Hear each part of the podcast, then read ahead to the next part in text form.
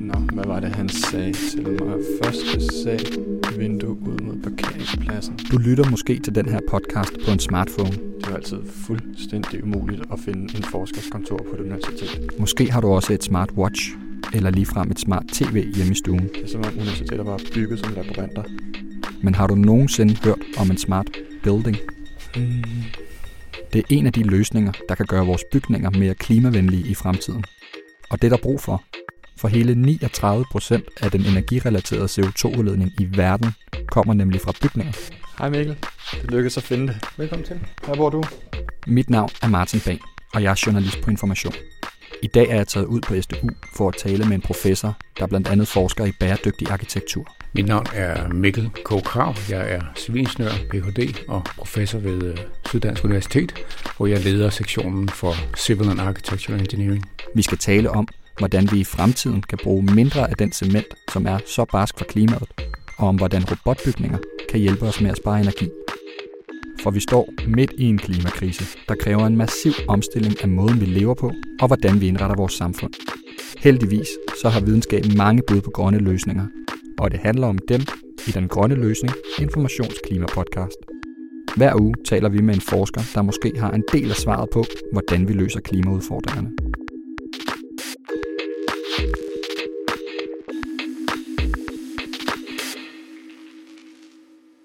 Mikkel, vi skal i dag tale om bygningers klimabelastning og hvordan vi kan få mere klimavenlige bygninger øh, fremadrettet som en del af den grønne omstilling.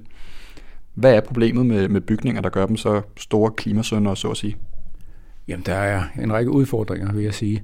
Øh, de mængder af materialer, man bruger til byggeri, er enorme, øh, og mennesker tilbringer jo øh, om, omkring 90 procent af deres tid i bygninger, så der, når der handler om øh, ressourceforbruget ved opførelse af bygninger, der er noget, der handler om ressourceforbruget ved driften af bygninger. Og det, det, er, det er store tal. Øh, det betyder, at vi alle sammen skal øh, tænke os om, hvis vi skal lave en forandring, som, som det jo nu er, er, er krævet af os. Og i forhold til, hvis vi starter ved opførelsen af bygninger, altså det, at vi bygger nye bygninger, der hører vi jo tit det her med, at beton, cement simpelthen er en, er en stor klimasønder. Er det korrekt, og hvad er svaret på det? Hvad kan vi bygge i andre materialer?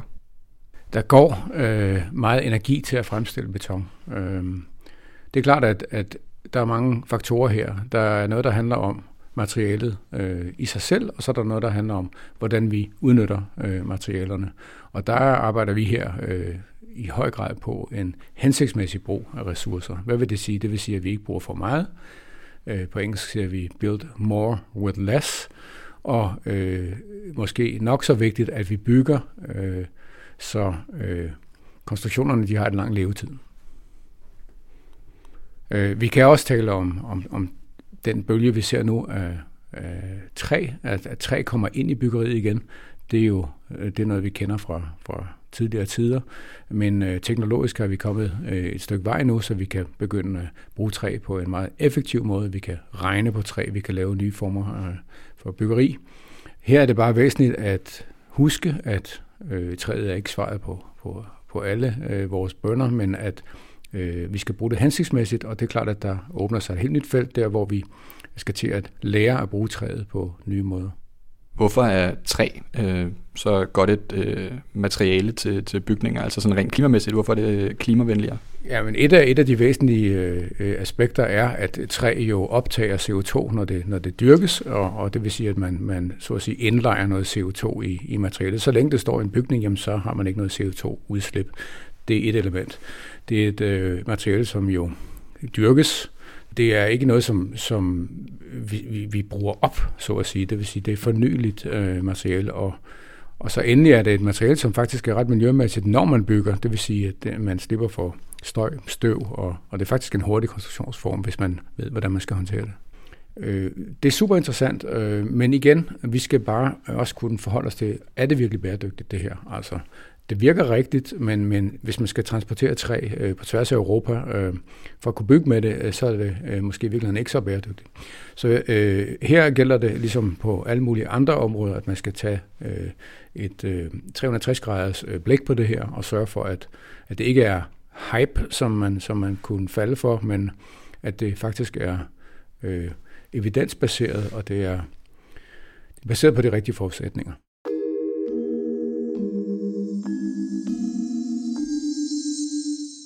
Vi har jo faktisk set uh, Aalborg Portland, den her store øh, uh, cementproducent, øh, uh, uh, vi har i, i Nordjylland, som er en af verdens største, jeg tror faktisk verdens største eksportør af, af cement, uh, som jo har nogle ret uh, ambitiøse uh, klimamålsætninger for, for uh, at reducere deres, uh, deres uh, CO2-udledninger i, i forbindelse med produktionen af, af, af cement her. Hvad er det for nogle, hvad for nogle tendenser ser du i, i byggebranchen lige nu, sådan ud over træ i forhold til, til bæredygtige byggematerialer?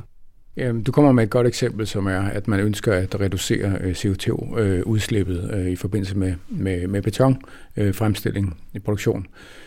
Men, men det er jo ikke blot produktionen, det er jo også det, at man er i stand til at projektere bygninger og bruge materialerne rigtigt, så at sige. Og det vil sige, for eksempel her på STU er vi meget interesserede i at kunne optimere på konstruktionerne, således at man ikke bruger for meget beton.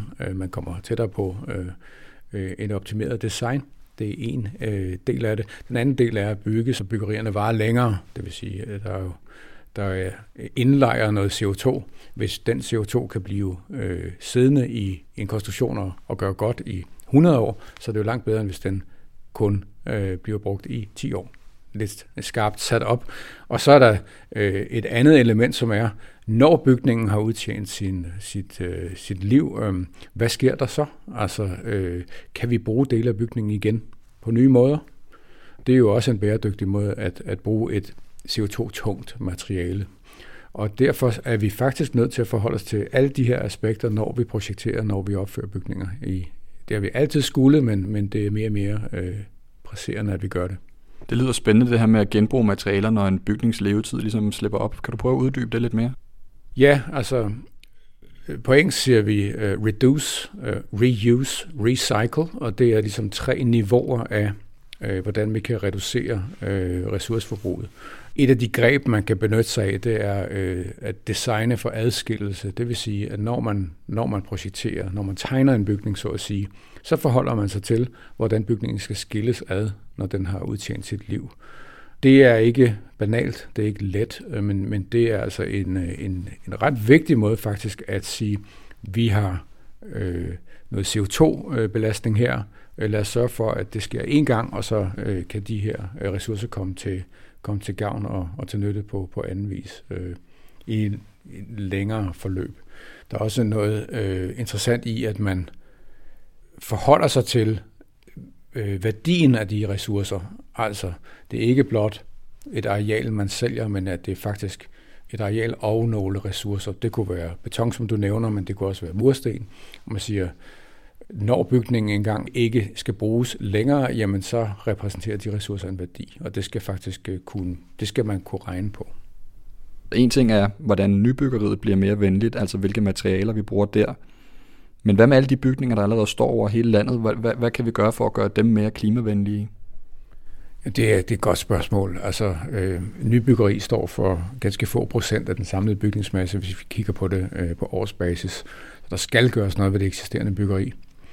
Øh, jeg mener i, i bredeste forstand, at man skal kigge på driften af bygninger, og øh, hvordan, vi, hvordan vi styrer bygninger. Øh, der er meget snak om smart buildings, øh, intelligente bygninger, som styres automatisk. Altså i modsætning til, at man går hen og åbner sit vindue, når man har det for varmt, eller når man ønsker øh, mere ventilation, så er der et, øh, et klimasystem. Og øh, der er meget at hente, hvis vi, hvis vi går ind og kigger på, hvordan bygninger rent faktisk bliver driftet, som man siger. Øh, der kan spares meget energi, hvis man, hvis man får bygningen til at, at opføre sig sådan, som den egentlig var tænkt. Der har øh, Klimarådet her, øh, som jo er regeringens øh, ekspertorgan, kan man kalde det, de lavede sådan en analyse, hvor de vurderede, at hvis vi energieffektiviserede den eksisterende bygningsmasse, så kunne vi reducere energiforbruget med 30 procent, tror jeg det var, frem mod 2030. Øh, og det kan ovenikøbet være øh, faktisk en god forretning, hvis man i forvejen skal renovere sit, øh, sit hjem, og så laver en energieffektivisering øh, samtidig med. Nu bor jeg jo selv i sådan en, øh, en lejlighed i København, hvor det siver lidt ind af vinduerne, og øh, og, øh, og rundt omkring. Altså hvad er det for nogle, hvad, er, hvad betyder energieffektivisering egentlig? Hvad er, det, hvad er det, man skal gøre rundt omkring, ud over isolering? Hvis du snakker om den gamle lejlighed i København, jamen så øh, kan man jo øh, have nogle udfordringer, som handler om, at vi har nogle bevaringsværdige bygninger, der begrænser, hvad man kan gøre ved dem, uden at man, øh, man faktisk skader øh, arkitekturen og byrummet. Men altså sådan noget som tætning af vinduer, øh, opgradering af, øh, varmeisolering, det er de banale eksempler. Øh, nyt tag på, sådan nogle ting. Men det, det tror jeg egentlig, vi har ret godt styr på. Altså det er noget, man i og for sig bare kan gøre. Øh, problemet er nok snarere, at øh, tilbagebetalingstiderne kan være ret lange, så det kan være svært for, for den individuelle øh, øh husejer at retfærdiggøre den investering. Hvorimod, hvis man ønsker at opgradere sit hus øh, arkitektonisk, øh, jamen så kan man få noget, noget effektivisering med i købet.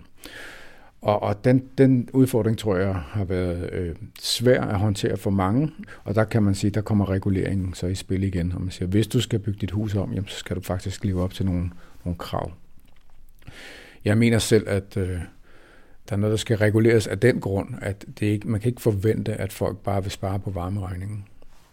Til gengæld synes jeg, at, at der, der er meget at hente, hvis man går ud og forklarer, hvordan man kan forøge øh, en ejendoms værdi ved at give den et løft, så det handler meget mere om energi, og energien får man så at sige med øh, i samme ombæring.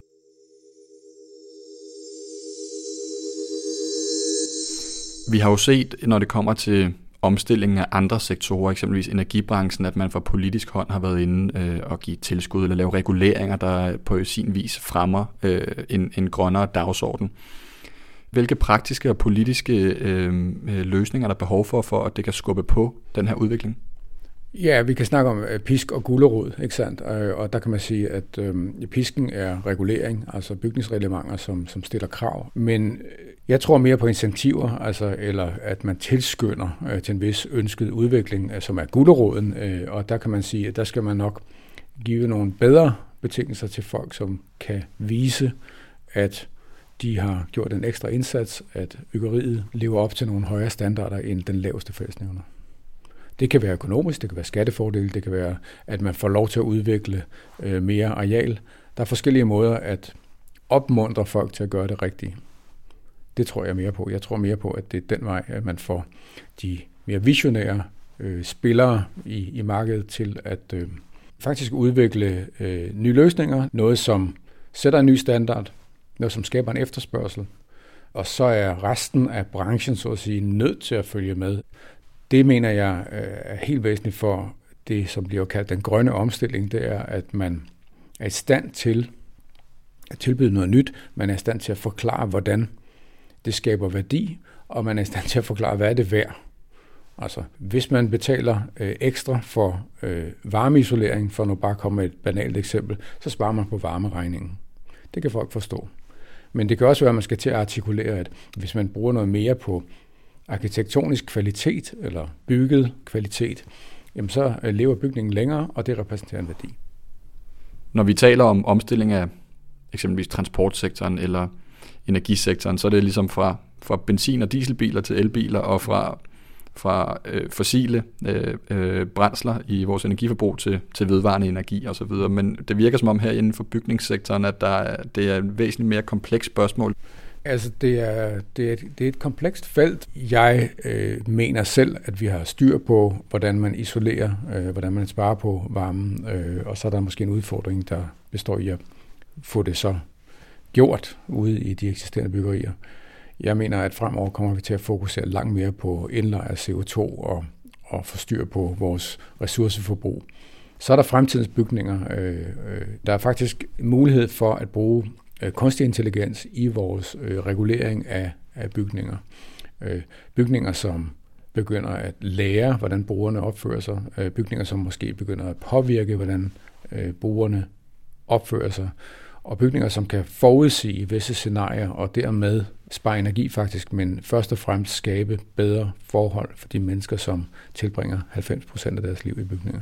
Hvordan, hvordan fungerer det øh, konkret? Altså, der, der er et øh, computersystem i, i bygningen, som har en masse koder i sig, og dermed ved, hvordan den skal altså, reagere, hvornår, simpelthen, eller hvordan?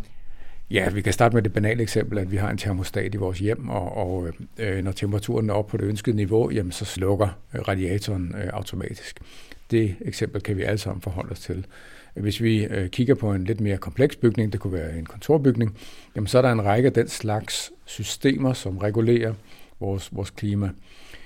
Men ofte er de jo baseret på nogle ret forenklede antagelser om, øh, hvad vi ønsker. Lufttemperaturen på en arbejdsplads for eksempel er ikke nødvendigvis det bedste mål for, hvordan øh, klimaet er, og hvad øh, folk ønsker sig.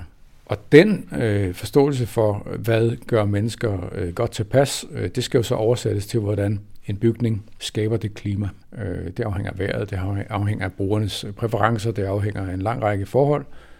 Hvis vi kan modellere det i et kontrolsystem, og hvis vi har den fornødne indsigt i de her øh, faktorer, jamen så kan vi også begynde at regulere på en mere hensigtsmæssig måde.